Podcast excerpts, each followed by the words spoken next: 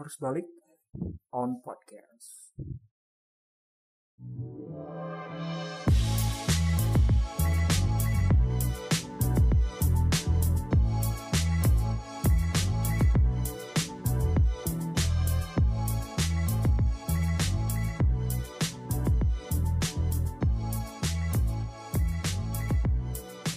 Oke, eh, selamat malam semua teman-teman di mana aja, kapan aja dengerinnya. lagi ngapain aja lagi dalam kondisi tidur di motor di mobil atau lagi ya terserah mau ngapain lah Ya, asikin aja sob. Ini podcast kedua ini ya, harus balik ya cuy. ya podcast kedua harus balik Kalau jadi diupload jadi yang kedua. jadi kedua kalau nggak jadi ya ketiga keempat ya. tapi upload juga sih Upload juga, mudah-mudahan lah. So, ini kita mau bahas tipis-tipis lah, tipis-tipis cuy. Soal musik nih, musik. Menarik nih bahas musik nih. Seru kayaknya pembahasan musik kan pembahasan yang tidak pernah mati kayaknya. Yoi. sama seperti membahas makanan. Kalau aku sih mikirnya sih kalau membahas musik itu kayak kayak secara natural ada di manusia cuy. ya Makanya kayak karena bisa selain sebelum mengenal tulisan kan manusia mengenal musik. Iya, iya. bunyian kan gitu. Eh, kayak bahkan di bentuk seni yang lain misalnya kayak eh, gambar ataupun tulisan dia tuh memang menurut aku nih pertama kali diciptakan untuk tujuan khusus gitu hmm. misalnya kayak eh, eh, lukisan-lukisan di gua-gua itu menurut aku ya untuk menceritakan ataupun peristiwa yang mereka alami iya ya iya cuy sementara Kalau kalau bunyi? kalau musik aku kira nih Ini memang hadir secara alami gitu ya. alami dan memang untuk tujuan seni Hmm. ekspresi dan juga ya hiburan dan lain sebagainya mungkin itu menurut aku ya mungkin teman-teman yang ngerti musik lebih Bisa menghujat kami nanti di IG kami. Yoi, cuy Salah itu bangsat gue. hmm, nggak apa-apa kami menerima hujatan lah Nah, tapi ya aku juga sempat kan. Jadi aku sempat ada mau bikin sesuatu lah di kantor aku sekarang soal musik. Ah, aku menemukan satu hal yang menarik gitu tuh. Jika pada awalnya musik memang hanya berfungsi sebagai produk kebudayaan, ya kan? hari ini musik berkembang begitu kom- ah, begitu tinggi kompleksitasnya. Hmm. Kenapa begitu? Karena orang-orang tidak lagi hanya tertarik pada bunyi, tapi orang-orang mulai tertarik pada lirik lirik, eh, kemudian pada yang menciptakan bunyi dan lirik personalnya. oh, oke Kemudian orang-orang mulai tertarik pada industri yang eh, ada di musik atau industri yang menghidupkan musik. Nah, industri musik itu ya industri musik itu sendiri. Orang mulai tertarik ke situ. Nah kan kita bisa ngeliat nih, kalau mungkin di era-era siapa nih? Kalau mungkin di era Yunani, hmm? Musik memang untuk menciptakan sebuah elegi atau peristiwa. barok ya barok Ya, apa sih barok? ada cuy periode salah satu periode ini Periode di mana? periode musik Periode musik ya. Barok, Kemudian berkembang pada zaman klasik musik menjadi nyanyian gerejawi atau nyanyian-nyanyian berjuasi. hmm, iya, iya, benar. Kemudian muncul di era-era era-era berapa ya? tapi di saat 80, di saat ada 90. musik yang jadi hiburan gereja atau hiburan hiburan bangsawan juga muncul musik Rakyat. rakyat boy Iya benar. folk, ya, muncul. Cuma kan mereka memakai kayak kalau kayak musik musik musik yang dianggap high class gitu ya pada zaman itu kan kayak piano, hmm. terus violin. iya iya benar Kan benar kerasa kalau Beethoven bagaimana mungkin. biasanya dia melodius Ya, aku musik-musik yang mungkin ya pada masa itu ini dia melodius sementara kalau musik-musik yang Anaknya itu eksperimental. eksperimental dan ritmis Ah, ritmis kayak dia banyak bunyi-bunyi yang konstan dan juga kayak ketukan-ketukan Hmm. biasanya lebih ini sih iya ritmis lah rit iya betul. Nah, kemudian pada era-era kan belum di industri belum ada industrialisasi tuh musik masih jalan sendiri-sendiri jalan sendiri. Dan mulai di industrialisasi mungkin di kalau tidak salah di era-era 1900-an. Ya kan? 1900-an belum. saya belum cuy Belum. Itu masih kalau kita lihat bagaimana kan di periode-periode masih berkembangnya masyarakat Wah, seperti kan baru di periode 1900-an kan lagi perkembangan banyak revolusi tuh. ah, Prancis, Amerika segala macamnya. Itu kan masih dekat dengan periode Beethoven, Mozart dan segala Ah. macamnya. Masih stagnan tuh polanya. Nah, ketika masuk 1900-an aku melihatnya, kan mulai muncul eksperimen-eksperimen musik. band masuk band Masuk band. Band band tahun berapa sih band Band tahun berapa ya? Aku aku gak boleh ngomong sih. searching searching boy Ah, malas. Searchingnya sekarang, Bang. Kira gitu. ya Ternyata kan gak punya data, Bang. iya cuy sorry nggak belum riset sih Tapi yang setahu aku kayak rock and roll. Kan pertama kali muncul kan dari The Tillman Brothers. Tillman Brothers Ya, Indonesia Tillman kan? Brothers dari Maluku. Ya, Ya mereka menjadi salah satu influence uh, influence-nya The Beatles. The Beatles terus uh, ada juga band-band ini band apa juga? Beda betul, aku lupa. Itu The Beatles yang paling banyak terpengaruh ada oleh The Tillman Brothers. Yang sekarang mereka domisili di Belanda, tapi kayaknya udah pada meninggal ya. Oh, udah lah cuy. Udah lah kayaknya udah tua Iya. banget. Mereka salah satu yang paling cerdas di, di industri musik pada waktu itu. Cuma belum industri waktu itu. Belum belum besar industrinya sih. Kan mereka berarti muncul di era sekitar 1950-an gitu kan. Berarti kan karena The Beatles kan muncul di era 1960-an. Hmm. Bubarnya di tahun 1974 ya. 70 di 70 Bulan 4 kan gitu. Dan segala macamnya Hmm. itu 70. Dan Liverpool jaya-jayanya cuy. Ya udah nggak usah dibilang. Oke oke oke. Chelsea juga belum berkembang di usia itu. Udah, Udah ya. tapi bapuk. Anjay. Oke. nah, di situ kan nah mulai itu kan 1900-an mulai Oke. berkembang musik menjadi lebih lebih easy listening gitu kan. Oh iya benar-benar. Ya siapa Nah, sih? ketika dia mulai di, masih diputar di opera gitu, Hmm. opera atau di kediaman bangsawan, dia mulai diputar di ranah-ranah yang lebih Lebih publik. ya gitu. lebih egaliter lah. Lebih Lebih egaliter. Kalau dulu kan memang juga sudah egaliter kan. Ada musik-musik yang egaliter kan. Kalau tadi yang diputar di sirkus dan segala macamnya. Tapi begini boy, dia beda antara penampil penampil itu menurut aku tuh cuman ada di ini boy. Di musik-musik mahal zaman dulu. Kalau Ya. musik musik folk itu menurut aku nih itu memang seperti kalau kau eh, bermain musik bersama-sama gitu. Hmm. Kayak sarana penghibur dirimu tapi tidak ada penghibur di sana, tidak ada penampil. Oh iya, Iya. era itu sempat muncul. Nah, era kalian- muncul. Pada masa itu menurut aku musik adalah kesatuan dari pendengar dan juga pemainnya gitu. Pada era Musik, itu, Iya, pemusik itu. pasti kan di era-era seperti itu masih revolusi Protestan segala macam Ya. ya. gitu. Nah, itu masih zaman zamannya Raja Arthur gitu kan. Ya, zaman baheula. Zaman baheula. gitu. Cuma kan pada ini memang pada ini musik berjuas itu turun menjadi musik-musik yang lebih egaliter seperti yang bilang tadi kan gitu. Oke. Nah, muncullah industri pada awalnya kan piringan hitam masih ditunjukkan pada musik-musik yang vinyl musik-musik yang musik klasik Mozart Beethoven Hmm. mulai band-band seperti The Tillman Brothers terus kemudian The Beatles masih pakai vinyl dan segala macamnya mulai direvolusi lagi Hmm. kaset kemudian muncul kemudian uh, compact disc CD, CD. ya. kemudian sekarang digital streaming dan segala macamnya itu menarik nah kan pada era itu kan pembajakan mungkin tidak terlalu masif lah ya Iya, soalnya ada mahal. ada kan tapi tidak masif Tapi dia mahal tuh.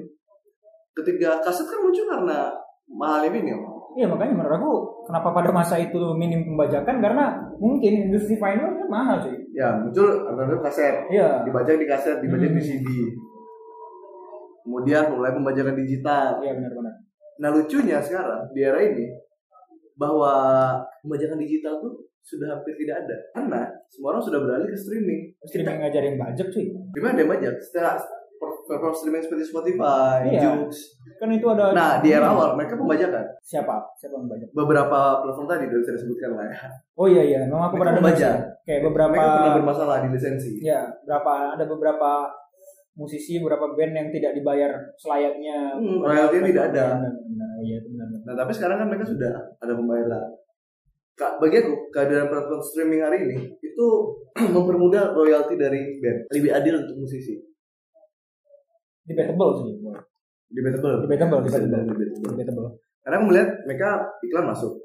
Mahal kan pastinya. Ke si Ke platform. platform. Oke. Kemudian dari situ Share. mereka bisa membagikan royalti ke musisi-musisi. Cuma memang mungkin tidak lebih mahal dibanding ketika mereka menjual lukisan fisik ya. Iya benar. Kalau menurut aku sih keuntungannya sih lebih ke ini sih. Ke Kemudian akses. Iya, kemudian akses. Jadi kemudian akses ini kan berimpact pada pasarnya bertambah. Ah, Pasarnya bertambah. Mungkin kalau dulu nih eh, musik-musik kayak The Beatles dan lain sebagainya, itu kan yang bisa denger kan segelintir orang. hmm. Kalau kau misalnya punya cuan, punya cuan, punya Bisa beli uang, kaset. bisa beli kaset. bisa beli apa pemutar. Hmm, Kalau sekarang kan musik jadi lebih murah, jadi lebih murah, jadi lebih mudah dan eh, lebih banyak pendengarnya. Jadi itu dia sih. Itu mungkin ya yang menjadi Hmm. salah satu alasan streaming digemari. Iya benar, kemudahan sih. Memang harus bertumbuh sih. Ya, pasti bertumbuh. Nah, kalau misalnya nggak bertumbuh, ya dia bakal mati. Sedih juga. Iya. Nah, kemudian ya aku juga menarik. Entah bagaimana industri ini berkembang. Apalagi dengan kehadiran musisi indie. Indie ini kan muncul di era 90-an ya. 90-an. 90-an, 80, 90-an. Kalau kita lihat Sebelumnya indie semua. sebelumnya indie semua. indie semua. Enggak juga. Mayor, mayor label tetap ada. Label pertama tahun berapa sih? Itu terus. Kurang data kali kita. ya. Kesel bacot aja bang. Asal bacot. Cuma kalau aku tidak salah ya, memang eh, indie itu muncul di era 90-an. Ada ini gak sih? Itu awalnya muncul apa sih? Apa ada pergolakan? Kan kesulitan mengakses label.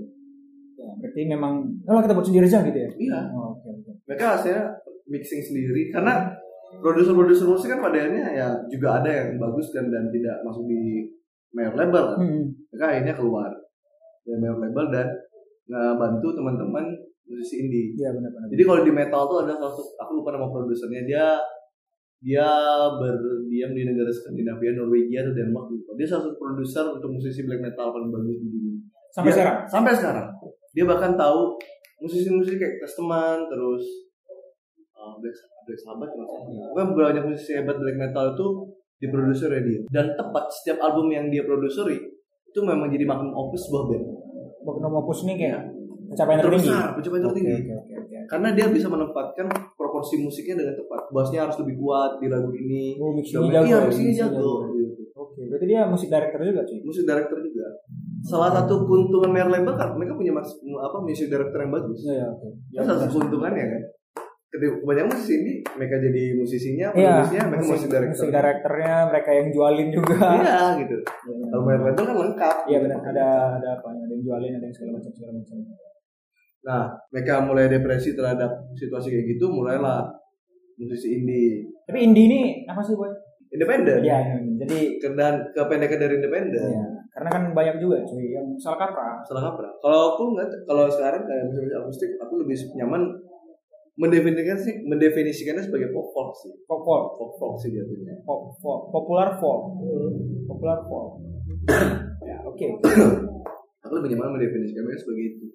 Karena memang pendefinisian aliran musik ini kan sebenarnya kebutuhan kebutuhan pendengar, kebutuhan kebutuhan media, industri sih. kebutuhan industri. Kebutuhan industri sih. Kalau aku sih sebenarnya nggak peduli juga sih.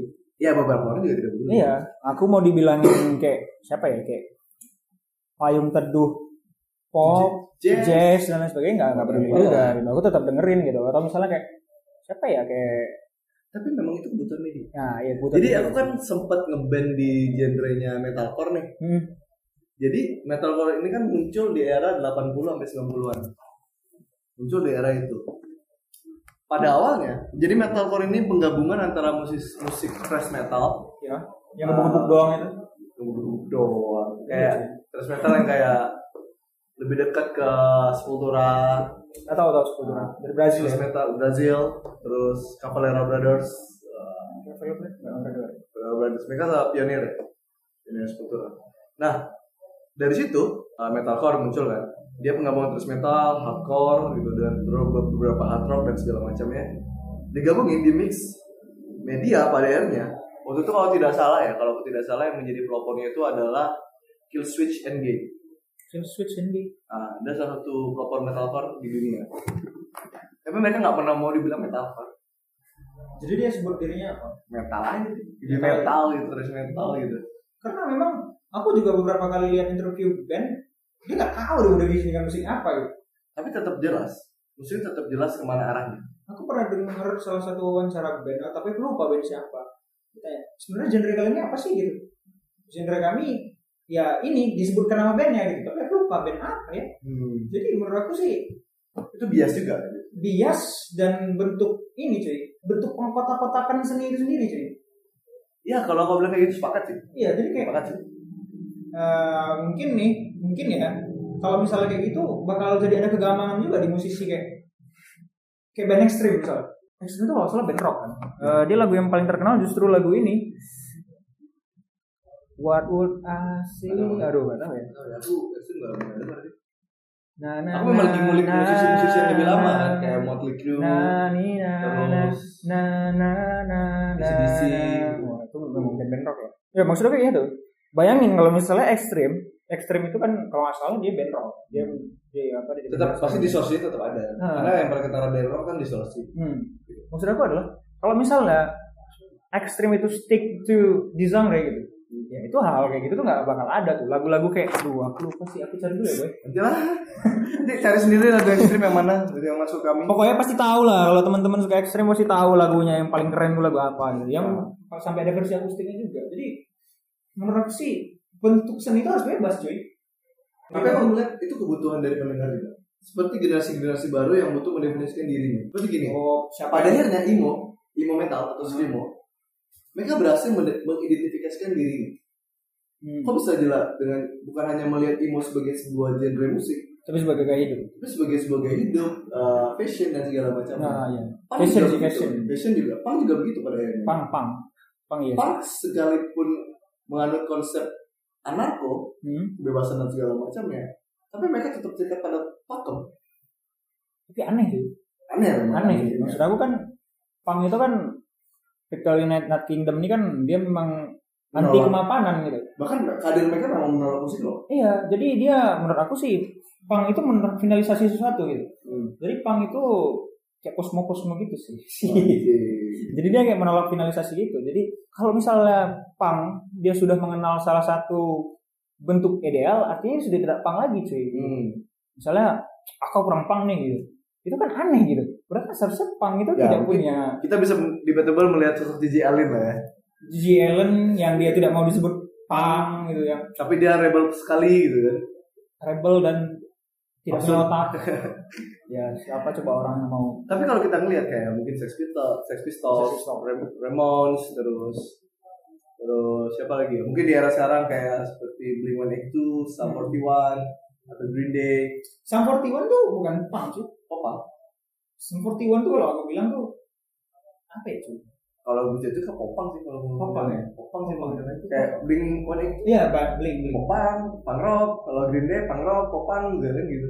Oh itu kok pang popang gitu ya Green Day. Oke oke oke oke.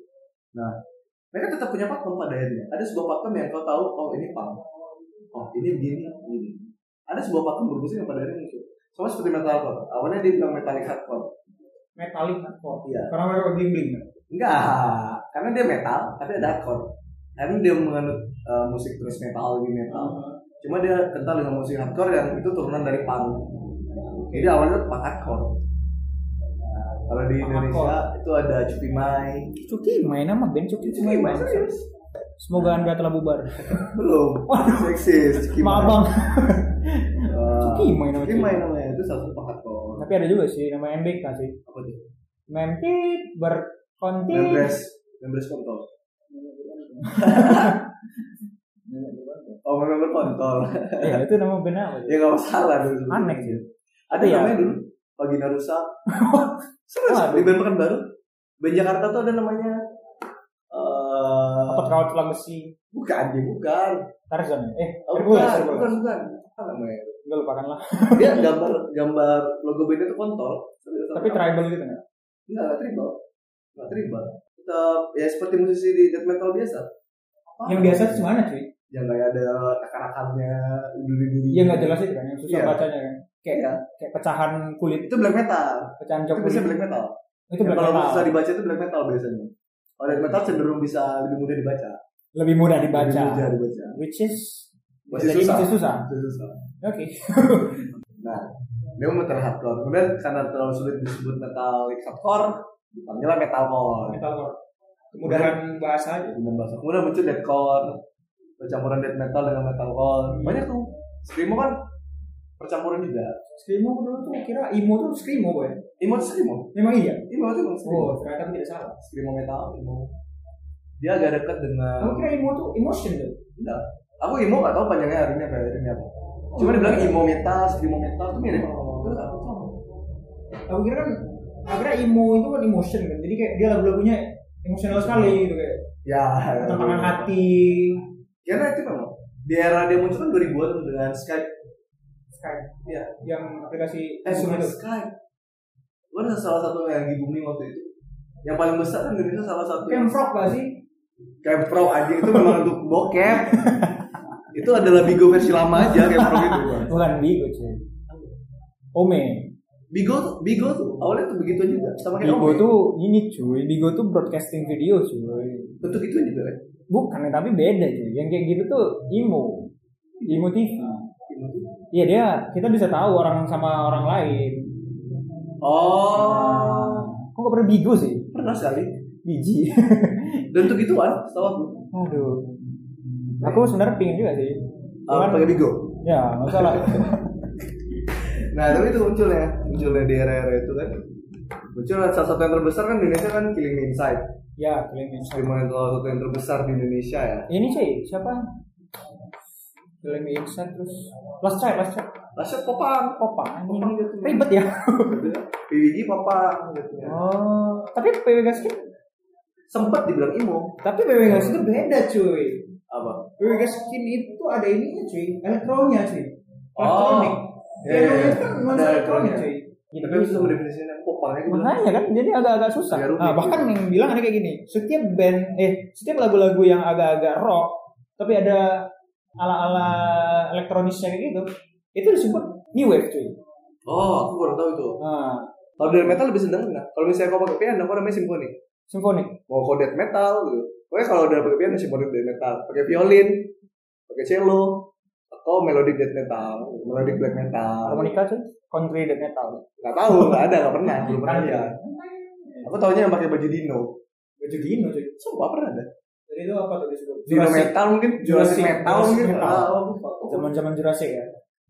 Oke oke oke. Berarti kalau menurut aku sih, ya kembali lagi sih tadi genre itu sebenarnya kebutuhan industri. Bukan itu sudah media. Iya, kalau menurut aku sih untuk penggemar sih kurang kurang ngefek sih. Kecuali kalau snob. Ya, fresh sebenarnya. Kalau kau snob, misalnya, ah itu enggak ini cuy. Tidak, itu Ah, kurang- kau Kalau kurang- kau melihat di susu metal atau tua-tua metal, Nah, mereka masih tetap mempertahankan itu. pakem-pakem. Pakem-pakem itu tetap ada. Karena itu menjadi standar standar sebuah band mau diarahin ke mana musikalitasnya. Nah, tapi itu tadi cuy. Ujung-ujungnya dia mengikat band. Padahal ini benar, harus makan. Makanya jadi itu tidak membebaskan. Padahal ini ya. Genre itu tidak membebaskan musisi sendiri. Tapi ya kalau kamu melihat bahwa ya mungkin itu kebutuhan mempertahankan pendengar. Hmm. Seperti gini. Padahal kalau tidak bisa Metallica, dia akan stuck di heavy metal atau rock progressive. Hmm. Stay di situ dari album ke album. Atau mungkin kayak Megadeth. Tapi ya, ya aku percaya. Aku lihat. Megadeth kan dari beberapa albumnya ya nuansa itu mirip. Gitu aja. Iya benar-benar Pada benar. Megadeth ya. Tapi ya, ya juga sih kayak band apa ya? Kayak band siapa yang nyanyi lagu Creed? Radiohead. Radiohead. Radiohead itu kalau nggak salah di beberapa album terakhir dia sempat gunain ini, gunain elektronis elektronis ala ala dystopian dystopian gitu. Hmm. Jadi memang kurang menyenangkan. Atau kayak Avenged Sevenfold yang menurut aku eh, salah satu lagunya yang paling aku suka itu God kan. Yang Dirga. Iya, yang belet-belet kayak gitu. Waktu dia keluar album baru, dia main itu menurut aku kayak "Ah, ini nggak aku nggak suka kayak gini. Memang iya sih, ada kecenderungan kita stick, kita berharap bahwa Ya, satu tetap stay. satu satu band itu tetap memproduksi kayak gitu ya. Oke, jadi benar benar benar. Tetap gitu. Mungkin kebutuhan penggemar ya. Hmm, kebutuhan penggemar. Dan lebih lebih mudah mengide- mengidentifikasikan diri sih. Kayak misalnya gini death metal. Kalau kau sudah mendaku diri death metal, itu berpengaruh pada banyak hal. Dari dari passion yang di atas panggung, lirik-lirik kau, logo band dan segala macamnya. Stage act. Stage act gitu. Itu berpengaruh banyak. Karena nggak mungkin orang kasidah lompat dari atas panggung. Mungkin dia Apa, terus stage diving, Nah, stage ya diving. mungkin dia. Terus Pogo. dia bikin mospit itu nggak mungkin. Ah, mospit. Pogo, pogo mospit. Pogo tuh pukul-pukulan. Mospit. Mospit itu bagi dua. Kalau yang puter-puter. eh mospit yang putar-putar. Oh, Mospit yang putar-putar. bagi dua. Bagi dua itu nggak tahu namanya. DVD Impera. Biar anjing. Oke oke lanjut lanjut. Nah, itu daripada ini memang kebutuhan industri, penggemar dan segala macamnya. Hmm. Dan memang mereka menentukan musikalitasnya dari situ. Kemampuan mereka mengembangkan genre mereka itu sendiri. Identitas diri lah ya. Hmm. Sama kayak Iya sama sih kayak gue bilang eh, gaya panggung dan lain sebagainya itu bagian dari identitas berarti bentukan dari sana lah ya Hmm. semuanya. Kayak musik death metal tuh pasti sulit tulisannya sulit dibaca. Kalau itu kan Liriknya kelam dan segala macam. tadi kita udah bahas dan banyak band-band luar sih. Kalau band-band dalam negeri itu kira-kira ada nggak sih yang stick to the identity gitu? Death Squad banyak band Death Squad ya? Kalau band-band pop, kalau menurut gue seperti ini cuy. Pop malah lebih punya punya apa punya ruang bereksplorasi terhadap diri sendiri. Kalau aku melihat pada dimensi yang berbeda cuy. Contohnya. Seperti ini. Kalau band-band kayak Dead Squad yang notabene aku juga gak kenal gitu. Menurut aku tuh band-band yang seharusnya band. Hmm. Kenapa gitu? Karena dia tidak peduliin gitu. Menurut aku nih eh berapa banyak penggemar aku bertambah dia nggak peduli cuy. Hmm. Yang penting dia ngeband gitu. Oke, Dia dia berseni dan lain sebagainya. Sementara band-band populer dia harus mengikuti selera pasar cuy. benar. Iya kan, selera pasar terus berubah. Eh, musik-musik Melayu di awal tahun 2000 berapa ya? 7 8 2007 8 2007 eh, sekarang mulai masuk ke yang Indo eh, Indo folk apa sih? Eh, Indie. Ya kata orang indie, tapi yang sebenarnya apa pop folk ya? Kalau kan pop pop sih Pop bagian folk ya. pop atau folk. mungkin eksperimental kayak Hindia. ah India. Jadi kan menurut aku pasar terus berubah gitu. Hmm. Dan bagi orang-orang populer ini bisa jadi kayak keharusan mengikuti zaman gitu. Mungkin. ya. Kayak contoh menarik jadi Fish kalau kita melihat musik hari ini menjadi eksperimental. Fish ini mendaku dirinya rock. Rock. Rock mendaku dirinya. Pakem mereka rock sebenarnya. Pakem mereka rock. Cuma mereka eksperimental. Eksperimental ya. Tapi pada akhirnya, eh, aku belum belum lihat ya. Sekarang juga bawa kritik. Majalah-majalah musik juga ada banyak hilang kan dari muka bumi. Iya, terakhir Rolling Stone, Rolling. Stone, Rolling Stone Hai masih. Hai berubah platform. Iya. Tapi Rolling Stone masih ada versi Platformnya ya, versi digital digital, ya? masih ada. Ya. Eh, versi digital nggak tahu cuy, cuman di webnya masih ada. Nah, Webnya masih ada. eh Di CDC malah lebih keren kan. di CDC malah lebih keren. Ada pengadilan musiknya. Ya. Dan mereka membuka ruang penulisan bagi setiap musisi. Oh, tapi bagi musisi. Bagi musisi. Oh, bagi musisi. Ya itu keren ya. Oh, Selama ini kan ya kebanyakan hanya jurnalis musik kan. Iya benar. Jadi kan dulu kalau kamu mau berkembang kau harus bisa kalau nggak di radio di majalah musik, Iya benar. ya kan? Atau di buku-buku chord lagu, chord lagu, chord lagu. Cor bangke, cor. chord Lain lagu. kali gak usah main gitar bangsa. Nah, tapi pada akhirnya kemudian ya, Fish lah contohnya, Fish. Ya, Fish ini menjadi experimental music aja gitu. Kalau ketimbang disebut sebagai rock, ya bahas sekarang juga suaranya nggak rock rock amat dan nggak bagus-bagus amat gitu. Ush, itu bukan serius. Benar serius. Tapi aku suka lagu-lagu Baskara. Aku suka liriknya. Oh liriknya. Kalau kau bicara suara dia, kau bicara musik dia, aku suka. Subjektif lah ya. Subjektif. Aku yang paling kentara bagi aku ketika dia perform di Tonight Show. Aku nggak tahu entah Show Tonight Show jelek atau gimana. Wih bagus cuy, itu next bagus soalnya cuy. Dan masalahnya Bas sekarang waktu itu jelek. False banget suara dia. Mungkin karena dia grogi cuy. Mungkin lah. Fish kemudian Dia mainnya depan Vindes yang juga notabene musisi notabene notabene notabene notabene musisi Musisi kelas Tulen. atas. Bandnya bubar tadi. nggak bubar Eh dipecat. dipecat nah Pindas ngeluarin diri Krono ya. terhormat Ini Iya, jalannya masing-masing. Fish juga pada akhirnya ya Baskara itu memaksakan diri agar sesuai agar sesuai musik rock vokalis padahal nggak cocok amat Tapi kan nggak apa-apa. Nggak- ya Dia kan tidak ada tidak ada keharusan untuk memuaskan kau. benar benar sih Kau juga nggak download lagu dia kok. streaming Streaming dengan. aku bilang aku menikmati lagu-lagu Fish dalam bentuk lirik Lagu apa? Dalam bentuk lirik Ini berapa aku nikmati Apa yang bawa pesan ini? Bawa pesan Peradaban. ini. Oh iya peradaban. aku nikmati kalau untuk anak-anak yang mau demo cukup cocok lah Cocok ya? setelah demo kamu aksi keren eh setelah dengar lagu itu kamu aksi itu keren banget tapi kalau untuk bicara musikalitas ya aku juga bukan musisi kan tapi aku pengen ngebaca soal ini Nah, Baskara juga ini cuy, musik director cuy. iya sudah tadi dia autodidak Mungkin cuma harus pahami nggak gini aku ingin lebih tahu soal Baskara tentang bagaimana dia mention Twitter gitu. apa Mention Twitternya. mungkin ya Bang jelasin dong gitu eh, enggak Bang fallback. Aris Lesmana Lesmana Ari. Ari Les ah, Ah, Aris. Ari Lesmana Hmm. dia tumbuh di iklim skena yang baik dia eh, sama Pai Dia pop punk, eh pop punk, pop folk. dia kan sama Pai tuh berguru Pai ini. Pai VIP berguru sama itu ada lingkungan skena yang bagus nah aku nggak tahu ya bahas karena lingkungan skenanya gimana Kenalan. Ya nggak tahu pengen kenalan cuma yang kenal teman SMA aku. Oh iya. si additional basisnya PWG Oh, oke. ada teman lagi Tapi tapi nggak aku ada deket sama dia dan aku yakin dia nggak akan mau kenal sama aku lagi. Memang basis PW additional. Edition kalau lagi konser di luar kota gitu gitu. dan lagi si apa nggak bisa si Doci. Dia gede biasanya. Atau dia kadang jadi vokalis paruh waktu Wah, vokalis Parwa. Iya iya, iya, iya. Iya, iya. Aku aku nggak ngikutin sih, cuma aku sesekali ngeliat. Iya. Karena banyak teman aku ngikutin zaman zaman zaman SMP SMA. Dia pernah punya dia band namanya Darari dulu zaman SMP tuh cukup terkenal. Darari. Darari nama bandnya. Darari. Iya. Oke, gua enggak pernah dengar sih. Pernah dengar sih, wah aktif di Pekanbaru doang. Oh, band ini indie. Ben anak muda ben remaja. ben anak muda jancok Ben remaja masa itu oke okay, okay. tapi cukup terkenal di waktu aku sih beda lari ini. Aku dulu sempat kenal sama vokalisnya Fani namanya. Eh, Fani tapi Pina. Pina Pina. Tapi dia nggak akan kenal lagi sama aku iya, sekarang. iya sih she doesn't iya yeah, ya menarik sih. Dia masih director. Cuma aku jadi ngeliat sebasa ukuran dia. Gak bisa diukur sebenarnya seni. Iya cuma musik tidak bisa diukur. Gak bisa kita gak hmm. bisa. Kecuali kalau dia memang bilang, oh pencapaian terbesar aku ini baru bisa terlihat ya. Tapi kalau kita yang bilang apa sih mencari Wah oh, menurut aku nih udah mentok nih kawan nggak bisa sih. Seni, seni, seni. Kan? sangat luas, sangat luas dan sangat absen. Tapi penasaran pada akhirnya. Karena aku melihat bagaimana CV hitam dibuat. Karena gini, oh, aku nggak tahu ya. sekarang ini di komunitas atau tidak, aktif di skena atau tidak. -hmm. Tapi aku melihat panutan-panutan aku sih apa influencer hmm. seperti aku begitu terpesona dengan Burger Kill, Dead Squad, eh, uh, Festivalis.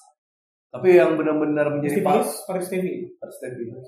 Yang benar-benar menjadi pahlawan aku tuh ada dua pahlawan musik aku. Burger Kill dan Captain Jack. Mereka menjadi pahlawan aku. Uh, ya kalau ngelihat skena hari ini ya, ya mungkin eksperimental sih mungkin.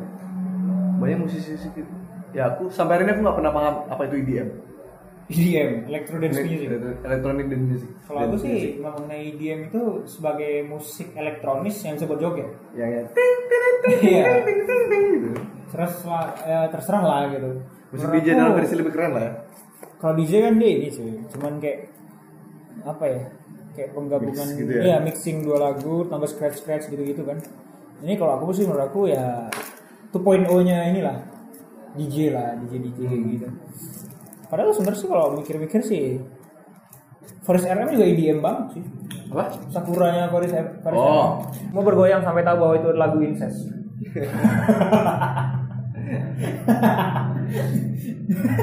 Jancok. ya juga kan? Iya sih. Baru setelah dia tahu lagunya kan. Hah? Tapi kok pasti baru-baru tahu juga itu lagu tentang incest ya just for makin aja apa? Sekarang lebih eksperimental tuh ya ada India bis ya tapi beberapa masih rigid beberapa masih strict di genre-genre yang sudah ada. Kehadiran Nadine Sabriadi oh Nadin Amiza. Nadin Amiza. Kemudian Danila. Danila. Bahkan tetap strict di satu atau ya mungkin yang lagi naik naik nah lagi naik daun mungkin di upstairs. Muncul lagi. Serius. mereka kan mereka kan hidup di era pensi ya. Ya kan? mereka hidup di era pensi ya. Mereka hidup dari gigs ya. gigs ke gigs. Tapi di era streaming padahal ini orang mendengarkan mereka lagi. Oh, iya. karena berarti dia basis pendengar lebih luas. Kalau berapa sih kemungkinan di upstairs didengar lagi ya karena Jimmy Multazam sekarang keren lagi. Iya. Jimmy Mutazam aku jujur aku baru tau Jimmy Mutazam itu setahun terakhir. Iya. Yeah. terus dulu aku lebih kenal Spurs dan Bulux Sandi Pasben terus segala macamnya. Sandi eh, Mohawk sih? iya. iya, iya, iya. Waktu pada jadi Jimmy Mutazam memang salah satu saksi hidup. Godfather Godfather lah. Iya Godfather Godfather. di dunia musik. Dan indikator dia hidup lagi. Dubstep hidup lagi. Menurut aku musik-musik itu mulai ini jadi musik-musik ala-ala di upstairs tuh bangkit lagi kayak Eleven kain, Bamastro Bamastro oh. Bamastro kan gue oh, pernah dengar Eleven Kind. Serius kok wih malang hidup gue cuy. Waduh. Eh, tahu. Oh, aku aku sekarang aku tidak ngulik band baru. Aku ngulik band lama Motley Crue. Bos. Terus aku ngulik Audio Slave Soundgarden hmm. Pearl Jam yeah, yeah. Foo Fighters. Navikula, eh Navikula Nirvana. Navikula band Indonesia. Indonesia grunge. grunge. Terus eh, uh, SDC. kalau lebih suka sama aku mulai ngulik yang lama-lama. Yang lama-lama. Iya. Oke oke. Kan pernah sekarang musisi band rock lama semua. Gak pernah ada yang oh. random. Random. Ya aku dengerin yang kayak musik-musik slow tuh memang di situasi kayak sudah mulai jenuh dengar satu hari itu udah jenuh udahlah ganti ganti musik yang lebih slow Tapi kau pernah dengerin nggak boy? Ada orang-orang yang anti sama satu jenis musik. dia dia di satu masa pernah aku pernah di Musik apa? Melayu Melayu. ah pop Melayu musik ST12 Kayak Wali, Wali aku anti kan kangen band. dangdut aku anti Itu kenapa tuh? Karena kau malu disebut sebagai karena orang-orang yang suka kayak gitu. skena habitnya itu Jamet ya. Kalau kayak gitu jamet. bukan jamet norak aja lah Norak aja ya. norak dan nggak tidak maskulin Tidak maskulin. mental tuh maskulinnya tinggi maskulinitasnya tinggi Oh tapi iya sih.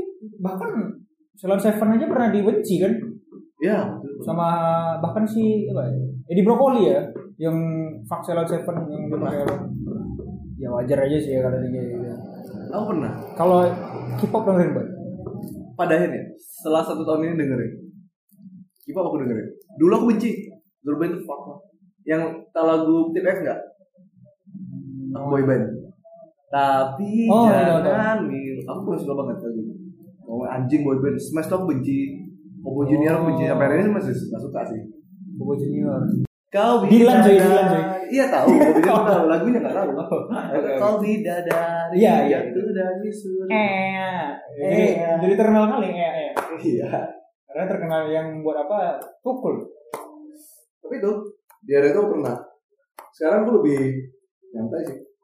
Dengerin semuanya. Kalau aku ya, aku memang berusaha tidak tidak terjebak ke dalam ini. Satu genre. genre tidak jadi snob. Ya jadi semua poster sih bahasa poser poser ya enggak lah. Karena menurut aku ada yang keren. Aku juga banyak suka lagu-lagu Melayu ada beberapa ada salah satu lagu album kangen band tapi aku lupa. Itu aku suka hampir semua lagunya. Zaman SMP belum aku belum kenal Meta Yolanda tuh jadi playlist utama. Yolanda. Kemarin Oh. kau datang Aku nggak suka lagu itu. Iya, aku aku suka lagu Zaman SMP. ada satu satu album dia lagunya memang terlihat mature sekali mereka sebagai band di sana. Mau opusnya lah mungkin ya. Dan kalau nggak salah mas lagu, lagu album itu mereka bubar. mereka bubar. Anjir. Lagu Korea aku juga dengerin sih aku girl group sih dengerin Twice Nah, kalau Velvet Blackpink. Blackpink sih aku pertemuan pertama aku dengan K-pop itu di Blackpink. Awalnya udah sering dengar lagu Blackpink tertarik dengan nuansa musik nuansa tampilan mereka. Tampilan? Tampilan. nggak bilangnya cantik coy. Nggak cantik nggak tertarik nggak cantik. cantik. cantik. Jadi waktu itu si si Jisoo. Jisoo. Ah. ya itulah. Leader kalau salah leader Blackpink oh iya ada leader ada maknai gitu gitu nah dia dia dia pakai baju metal Wih, kayak baby metal cuy tapi mereka tidak ngambil konsep metal atau rock oh tetap iya tetap sama aja kalau baby metal dia rock tapi musik Kawai. Iya, tapi kawai. Kawai, Oh, beda, Dia beda, metal. beda. Dia metal tapi pakai baju baju baju met- dia dia yang satu ini pakai pop tapi dia pakai baju metal. Iya. Oke. Oke. jadi oh asik nih Iya, iya. aku baju metal dan nuansa itu waktu itu kan dia kalau sama Twice Twice itu kan ngambil konsep warna cerah Mm-mm. warna-warni dan cerah Blackpink ngambil konsep warna-warni tapi dark apa? dark dark banget gitu jadi coklat ya, gitu-gitu ya. iya gitu Jadi atau agak merah marun gitu jadi ada inilah ya, ada ada sedikit similaritas dengan apa yang gue sukai sekarang. Iya, gitu. dulu Dulu, dulu. Sekarang enggak lagi. sekarang masih semua Oke. Waktu itu kalau cantiknya semua girl band cantik kan gitu Iya, enggak ada yang ganteng, cuy. Eh, ada, ada. boy grow Ada. Enggak, cuy. Jadi ada kalau nggak salah di beberapa ini tuh ada beberapa apa yang kayak personil girl band yang sangat tampan. Hmm. Begitu pula ada juga yang personil boy band yang sangat cantik gitu. Memang ada kayak gitu. ada ya Ada gender bender di sana. gender bender Iya, pembelokan gender. Ya di lain hal lah kita bahas nanti.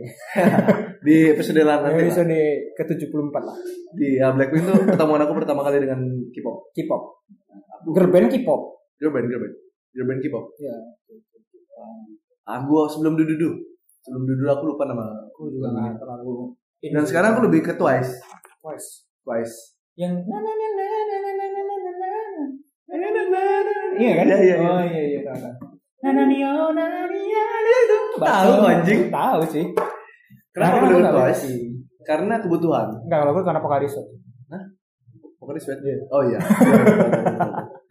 kalau aku dengar Twice karena kebutuhan nuansa musiknya tuh memang ceria nuansa musiknya Surya. Jadi aku kalau misalnya nulis atau segala macam aku denger lagi semangat Twice. ya, semangat. Tapi kalau memang lagi ngerjain suatu tulisan Tapi kalau misalnya dalam? ngerjain itu dan lihat video klipnya gimana sih? nggak bisa. Enggak jadi kerja. Nggak jadi kerja. Nggak jadi kerja. Oke. Sipa. Jujur aja. Yang sampai gilanya, aneh yang uniknya lah. Aku sampai ngikutin dia kan pakai Twice TV dan segala macam. Oh ada cuy. Ada. Oh. Ada. Tapi kan mereka ada ini gak sih kayak SM Town apa yang gitu-gitu. Iya, Ji. Mereka di Jeep Entertainment. Nah, ya kayak gitu gitu ya. Jeep Entertainment. Bukan di situnya ada channel Enggak, di channel pribadi.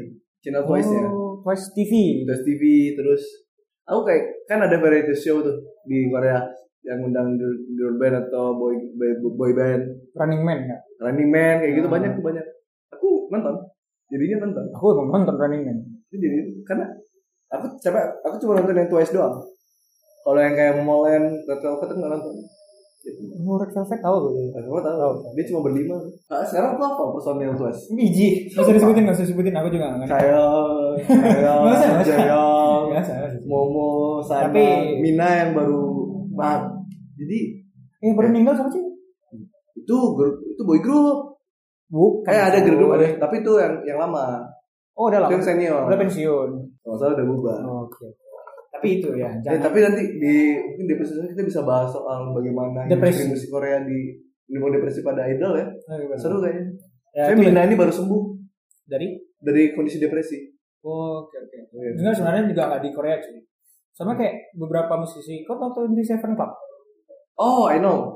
Kurt Cobain kan sih. Iya, jadi Jimi memang Hendrix. jadi memang di seniman tuh ada ini sih, ada ketakutan sendiri Ada. bahwa mereka Ada tidak bisa, ya? ya, tidak bisa menghasilkan karya lagi. Jadi dia Tapi kalau Kurt Cobain enggak. Jadi? Kurt Cobain memang depresi sama hidup. popularitas. Oh, karena dia benci populer. Iya. Oh, oke. Lucunya dia masuk di industri yang dia bakal tahu dia populer. Dia muncul, dia tertarik sama industri musik karena dia melihat sesuatu yang populer. Ya, Tapi kan? dia akhirnya kan konser kan. benci. Tapi dia bunuh, bunuh diri dan benci sama sesuatu yang populer. Salah satu Tapi- alasan dia bunuh diri karena dia tidak tahan dengan lampu sorot panggung. Oke, oke. Itu lain nanti lah, nanti lah. Kalau. Jimi Hendrix kan karena dia mengabdi pada setan. Nggak tahu. Ah, itu. Tahu juga kalau itu. Itu nanti lah kita bahas. Di next lah. Soal dan Twenty Seven Club itu ya. Seru tuh. tapi ya itu sih menurut aku itu jadi satu bukti sih bahwa nggak ada sih orang-orang yang stick to di genre gitu. Soalnya nggak ada. Nggak ada kayak oh Karena ada sebuah penelitian aku baru baca. Ada namanya musical paralysis. paralysis. Paralysis ya. Kok bisa gitu? Uh, ada suatu kondisi ketika di satu fase seseorang sudah mulai berhenti mengeksplorasi musik. Itu cenderung di, terjadi di usia 30 tahun ke atas. Jadi dia suka sama musik yang itu itu aja setelahnya. Tapi ada ada puncak determinasi bermusik. Determinasi musik. Itu jadi di, di usia 20, di usia 16 sampai usia 25 tahun. Jadi mak- dia bakal cari terus Cari terus. gaya berapa gaya musiknya dan Benar. Nah, Mungkin di usia-usia kita ini masih masih determinasi masih eksploratif sekali ya. Iya. Nanti kita harus sampai di musik itu harus stuck aja. Oke, oke. Aku berharap pada zaman itu aku tidak menjadi kampungan atau snob atau poser serah jangan jangan sampai ya pada diriku 30 Tapi tahun memang tidak tidak mengejek. Itu memang ya udah damai tidak tidak suka tidak oh nggak nyaman. Iya. aku lebih nyaman kayak gini. Dia cuma stay di satu genre tapi tidak stay di satu band. Tapi kalau misalnya ada band baru dengan dengan nuansa musik yang sama dia tetap dengar. Ya oke. 30 ya? Masih 30 tiga puluh tiga puluh dua gitu. Kan masih ada Coba. masih ada 8 tahun. Enam delapan tahun lagi lagi. Belum tapi itulah itu soal nanti lah. musik dan genre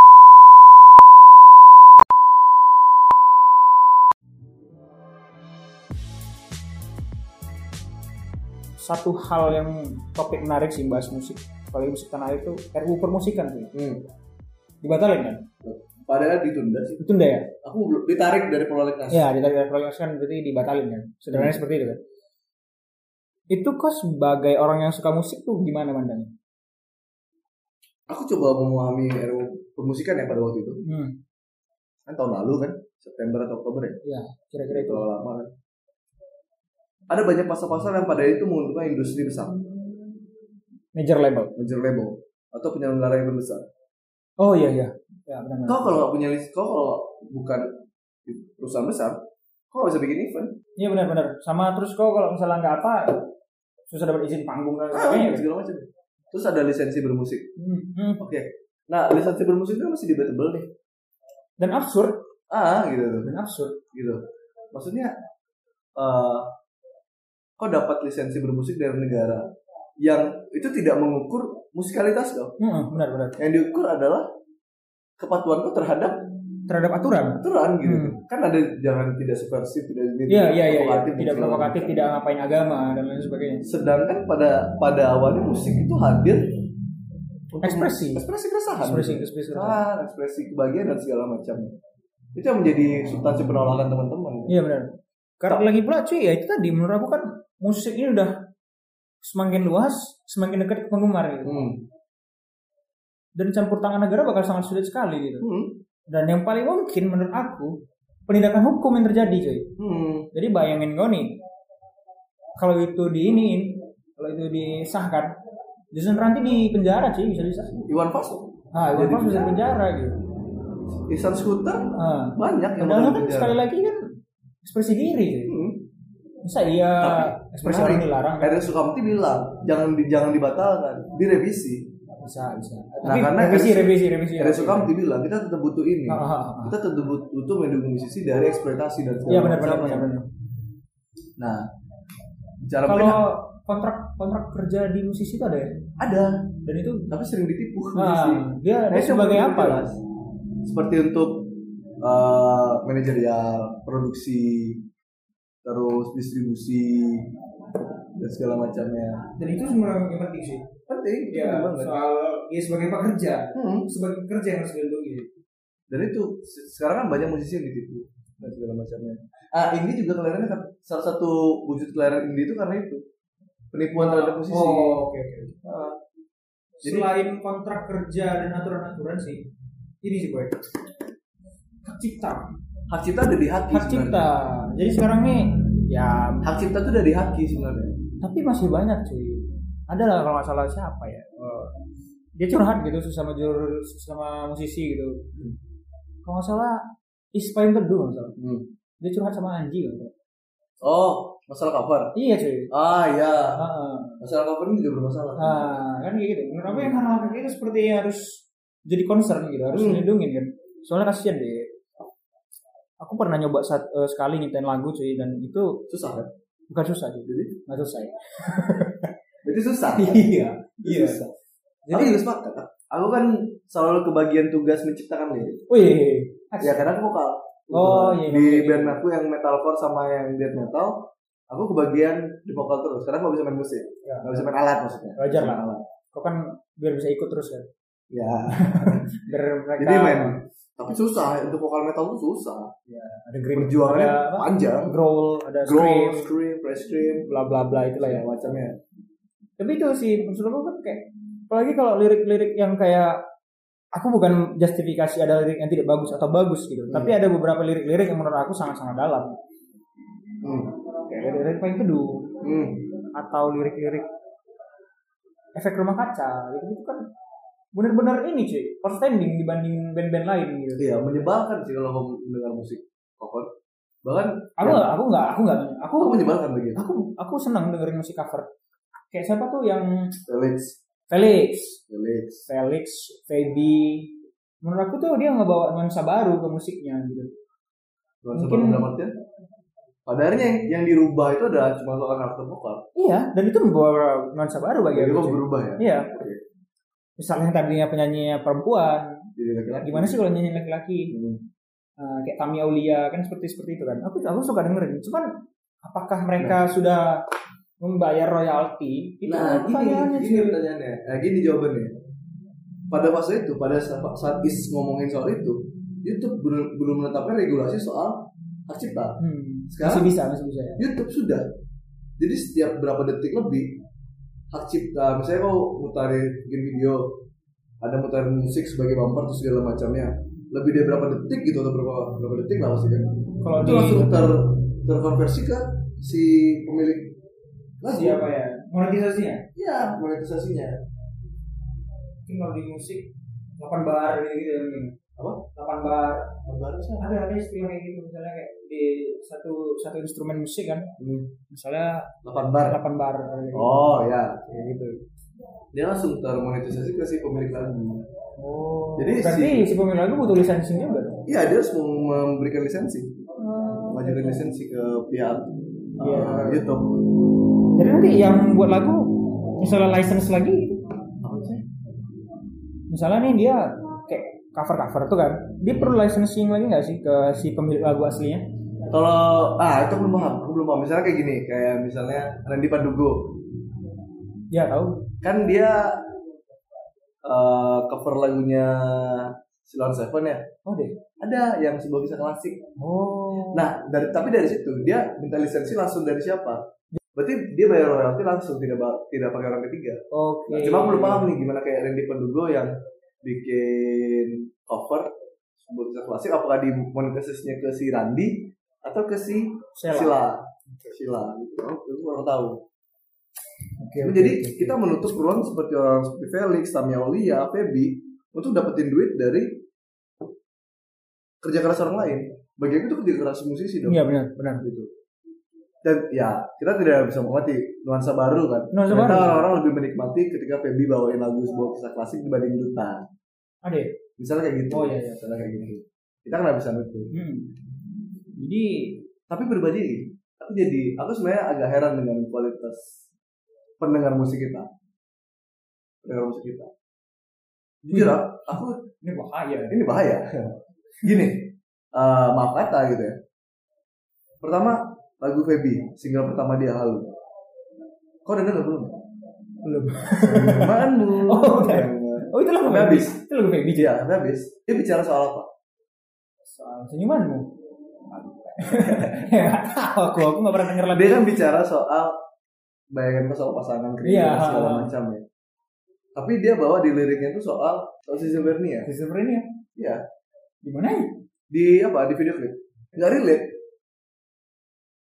Nggak relate antara lirik. Aha. Gini, kok rindu sama pasangan? Kok si Severnia? Belum tentu kan? Ya kan bisa jadi. Tapi belum tentu kan? Ya kan bisa jadi. Tapi belum tentu kan? Iya, cuma bisa jadi. Severnia itu kayak mana dulu? Enggak, maksud gue gini cuy. Kau, kau, udah- kau nyalahin subjektivitas orang lain cuy. Benar ya? Gue gak bisa. Bagi aku dia eksploitatif. Nggak boleh. Dia mengeksploitasi. si Schizophrenia? Bagi aku dia mengeksploitasi si Severnia. Dengan lagu yang tidak relate. Bagi aku gitu. Dia mau ngomong soal kerinduan terhadap pasangan dan segala macamnya. Tapi dia bahas di video aku si Severnia. Tapi itu umum gak sih di musisi-musisi? Aku hidup di skena yang namanya sesuai konteks. Tapi Ngomong soal sih. apa? Hindia tetap Ada, ada yang dia amnesia. Hmm. Dia ceweknya nggak peduli nih. Hmm. Ternyata ceweknya kan amnesia nih. Ah, Ya kan orang amnesia kan gak bisa ingat. eksploitatif kan Dari? Ya cuman kan itu umum kan. Eksploitatif bagi aku. Oke oke oke. Bagi aku kayak gitu eksploitatif. Itu pertama. Kedua, mungkin ini sense, sense of art aku ya, Hmm. sense of music aku. Halunya Feby 8 juta viewers. Nah, Nadina Miza, Sorai atau Rumpang nah, cuma 2 sampai 3 juta viewers. nah. Oke, itu bicara bicara selera pendengar. Oke. Cuma aku nggak bisa masuk sepakat atau tidak bisa mendengar sepakat. Tapi aku merasa Nadine lebih baik dibanding Feby. Tapi gini boy, Agak apa? ngomongin ngomongin musik boy, Selera musik. ngomongin seni boy, Nah, itu abstrak boy. sebenarnya ya, Iya kan? makanya aku bilang, nggak, aku merasa dari sisi musikalitas, Oke, kedalaman lirik dan oke, segala macamnya, Bener bener. Nadine cuy. Amiza Bener cuy. punya punya apa namanya punya kompetensi yang sangat bagus. Dia cerdas menciptakan lagu. Ya oke oke. Secara lirik dia juga bagus, kuat dan segala macam ya. Ya nggak usah jauh-jauh lah cuy. Shoes and Couples Company itu nggak ada nggak laku di Indonesia. Emang. Kok Tapi di US. US, Australia, Iya. baru-baru ini mereka ke Hungaria dan lain sebagainya. Cuman sekali lagi seni boy.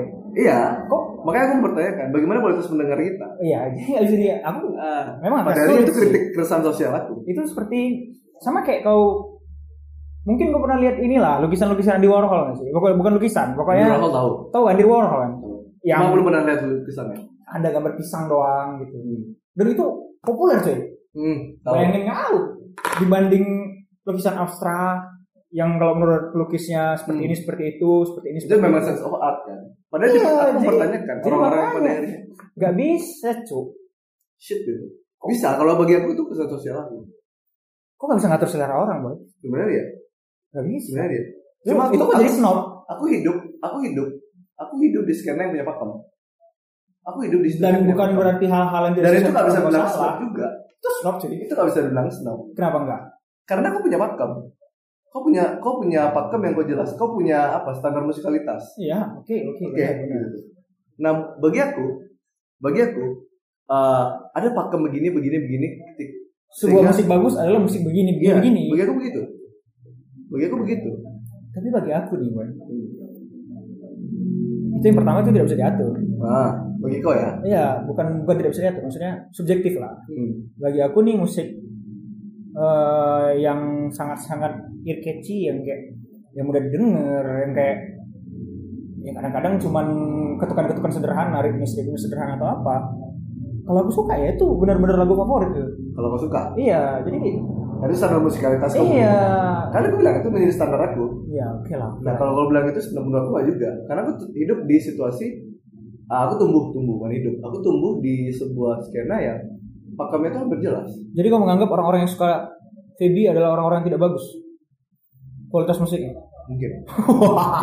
bagi aku ya, bagi aku ya, bagi aku ya.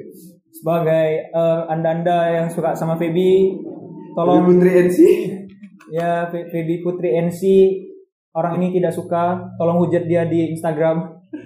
Bisa di bodoh amat. ya oke lah, ya terserah sih. Tapi kalau aku sih Nadine. sudah mulai berdamai dengan keadaan. Aku jujur, aku juga suka Nadine. Aku sangat suka. Nadine terus Karena bagi gini, salah satu kehebatan Nadine adalah dia mau mencapai range range suara yang baik. rendahnya oke, Rendahnya oke. nada tinggi bagus. Aku nggak bisa di nada tinggi dan nada rendah. Kalau misalnya aku clean vokal. Hmm. Oke oke oke. Jadi aku ber- aku berusaha memahami dengan baik di di masa-masa aku dulu tentang oh range ini range ini range ini. Walaupun aku sampai hari ini juga nggak ngerti oktav segini oktav segitu nggak ngerti. Sampai hari ini nggak ngerti. Cuma aku tahu yang oh dia bisa sampai di sini ya. Yang ini orang nggak semua bisa. Hmm. Oh dia sampai titik ini. Nah dia kan bisa. Perpindahan dia antara antara uh, dia nada tinggi. Nada tinggi kan banyak nih. Maksudnya ada yang falsetto, ada yang biasa. Hmm. Nada tinggi ada yang falsetto, ada yang yang kayak ah gitu. Itu falsetto Paham. kan. Dia bisa memindahkan nada tinggi dia di clean vokal biasa dengan falsetto dia dengan baik gitu. Tapi Putri cenderung stagnan. Tapi ada coy, simplicity is the most complex thing in the world. Bagaimana kau mengemas sebuah sesuatu yang menurut orang-orang simple? Ringo Starr. Ringo. Starr itu dihina. Drummer paling jelek orang bilang. Gitu-gitu ya. Iya, tapi pada akhirnya salah satu pembenaran untuk Ringo pembenaran mungkin. ya. Salah satu kehebatan Ringo Starr adalah dia mampu mengisi ruang-ruang kosong yang ditinggalkan oleh kecerdasan bermusik dari personil John Lennon. John Lennon, John Paul McCartney, lagi siapa? Eh, Dia mampu mengisi ruang-ruang kosong, Aduh. ruang-ruang kreatif yang ditinggalkan oleh ketiga personil The Beatles yang lain. Mungkin itu bisa jadi. Cuma aku memang de- bagi aku Feby Putri kurang mampu mencapai range suara yang yang bisa dicapai dia nanti. tidak spesial secara kualitas. Iya, begitu. Dan Tapi- dari Kalau aku sih sekali lagi ini tuh, nggak ada yang salah sih dengan secara. Nggak ada yang salah. Nggak ada yang salah. bukan? Tetaplah di jalan ninja ya teman-teman. Sama seperti apa namanya? Konser-konser musik gratisan tuh kesal. Iya. Tapi kan dia dibayar cuy. Gini, dia tidak membuat penonton jadi cerdas. Kami survive itu dengan mati-matian. Iya Gini, ya bayar dengan bayar. dengan band lebih baik, Ya, kok bayar gratis. Kau kau nge-gigs kolektif. Hmm. Sedangkan band-band lokal untuk bisa sampai di titik sound session Sundernaulin, mereka harus muncul dari gigs kecil. Sound iya. session Sundernaulin nggak ngambil band-band yang baru tumbuh. Ya, Itu wajar cuy. Iya wajar kan? Wajar. Nah, pada akhirnya Sampurna, Yumal dan segala macam menciptakan iklim yang bagi aku tuh gak sehat untuk industri musik lokal. Bagi aku. Ehm, gimana ya? Aku kira sih ya faktor ekonomi juga lah. Kayak kalau kamu mau guide ujung-ujungnya kan product placement juga Ya, kan. gitu lah. Iya, gitu. Ya aku tidak bisa 420 juga hidup dari Iya. produk rokok kan. gitu. Heeh. Makanya sih menurut aku sih Dan mereka ini gak mau berinvestasi ke band-band kecil, kecil, band-band gitu. kecil, Gigs kecil lah, usah band kecil. Gigs kecil. underground ya. Soalnya memang berinvestasi. biasanya kan mungkin orang-orang indie ini tidak kuat di rokok sekotak. Oke, oke. itu yang masih aku sesaran. Ketengan dan itu ini Ketengan udah mampu sekarang. eh, kolektif cuy. Jadi diputer. Diputer. giting anjing. Ya oke oke itulah itu soal keresahan keresahan musik bermusik masing-masing lah ya Iya, iya. tapi ini satu satu hal lagi nih soal permusikan nih, sebelum kita tutup ada satu hal yang paling aku suka sekali dengan hero musik kan Apa tuh? Ngatur pengamen sih Oh, ngatur iya, iya, pengamen iya. ngatur pengamen ngatur pengamen kalau kau sendiri pengamen Pernah. Pernah aja. pernah Kau pernah Di stadion. Wow, kau nih orang-orang yang aku benci. Waktu itu zaman SMA. Saya SMA kan di Kandis. aku benci kali orang-orang ngamen di apa di stadion cuy. Kenapa? Dua menit sekali lewat cuy. Anjir. Seribu seribu. Bang kan udah tadi aku bilang kan sama bang itu. Sama Aku belum. gitu. Wah, Anjing. koloni ya bang buat satu mini konser gitu di tengah-tengah gitu. Kesel cuy. Tiap lima menit dan ya wajar lah kalau kalau pengamen kan lagu-lagu populer kan. Jadi dalam sehari itu kok bisa dengerin lagu-lagu yang sama berkali-kali Berkali, gitu. ya. Jadi ya, bang, abang intronya aja bang, nanti yang lain ini lanjut rapnya aja. Gitu. kesel deh. Bikin kesel, ngulang lagi, ngulang nyanyinya lagi. juga cuma semenit gitu kan. Iya, jadi pun nggak pernah nyampe rap. Bangsa. Ya, jadi aku seneng kan ada aturan supaya Ada, ada regulasi soal pengamen. regulasi soal pengamen, regulasi soal pengamen. Biasanya di Skandinavia, di US gitu kan juga diatur kan. Tetangga juga udah cuy. Malaysia udah. Singapura, oh Singapura. Singapura, Singapura. Australia udah. Udah. Karena menurut aku ya bukan soal membatasi kebebasan berekspresi atau apa sih. Eh, ngamen ini beda sama kau nge-gigs atau Kenapa gitu? Kalau kau nge-gigs atau kalau kau ngadain konser orang-orang memilih untuk bisa datang atau tidak. Kalau ngamen tidak ya? Kalau ngamen tidak sih. Oh, di ruang publik lagi ya. Kau di ruang publik semua orang bisa dengar. Hmm. Jadi kadang-kadang kau tidak punya pilihan untuk mau dengar atau tidak kan. Oh, mungkin cabut dari tempat makan kan? Iya gara-gara pengamen. Oh, udah ada pesan. Ah, udahlah suaranya sember kadang kan. Jadi menurut kau gimana ya yang ideal? Yang ideal sih menurut aku eh, tentu kalau kita apa main langsung-langsung larang juga nggak bisa rezeki orang sih. Hmm. Jadi harus ada standar dan harus ada peningkatan standar masing-masing. Tempat perlu nggak? Kayak misalnya di US kan ada tempat khusus tuh. Oh iya, iya perlu Perlu perlu. tuh ya? Perlu. ya? Tapi misalnya ini sih, ya wajar sih kalau orang cari nafkah di keramaian kan. Cuman ya jangan tiap lima menit sekali juga lah. Gitu. Misalnya kayak Dan habis lah lagunya. Iya, Dua lagu lah, ah, benar lagu benar. Kayak di Jogja aku ada lihat beberapa pengamen-pengamen yang Di Jogja itu bahkan sudah punya agensi, Iya. sudah punya production. tapi aneh kalau misalnya pengamen punya production gitu. Tapi keren kan? Tapi keren, tapi keren. Maksud aku Yang jamin mereka. harus ada jarak-jaraknya lah gitu tiap berapa spot baru ada pengamen lagi, berapa spot ada pengamen lagi. Jadi pengamen ini naik kelas cuy. Hmm. Pengamen ini naik kelas gitu. Ini sebuah profesi ya. Profesi. Jadi dia memang artis, street artis gitu. Bukan lagi pengamen doang gitu. Hmm. Sekarang pengamen ini bukan aku Bahkan kayaknya untuk semua hal bisa ya. Seperti untuk uh, dance, Iya, dance. Pokoknya Iya. hal-hal yang sifatnya bisa street art bisa diatur ya. Jadi dia naik kelas sih, nggak sekadar lagi apa pengamen atau sekedar. pengamen gitu. Jadi Kadang kayak, orang menganggap mereka pengemis, cuma Iya. beda dalam bentuk bentuk berbeda gitu. kalau dianggap pengemis masih mending sih. Kayak preman nyanyi, Ah mungkin itu ya. kayak preman nyanyi. Bahkan memang sempat dianggap sebagai preman nyanyi ya. Nggak di Padang di di Taplau tepi laut Oh, tapi lawe tepi lawi itu sering premanisme berkedok pengamen kan. Nah, jadi itu. sering ngompas Jadi bagi dia, kalau dia tahu juga mesum dinyanyiin tuh. apa Dinyanyiin. nyanyinya sampai dipukul pakai gitar dah Apa? Eh apa? Ini lagu ERK sih. Putih Bukan. jadi Kenakalan remaja di era Oh, informatika. iya, iya, iya, Kok iya, putih iya. putih putih putih. Kayak mau mati gitu. anjing Dari tadi putih aja. Tapi itulah. Jadi memang harus eh, ada diatur soal pengamen ini. Soalnya dia kan pendengarnya publik. Iya, Jadi dia ditingkatin juga. Kalau bisa ada ininya lah. perlu pendidikan Atur Pendidikan, Betul pendidikan ya? cuy. Jadi kayak mau atur misalnya kalau kau mau kenapa kok menurut kau penting diatur pendidikannya pendidikan maksudnya padahal banyak musisi tidak lulusan bukan pendidikan sih. Menurut aku bukan pendidikan.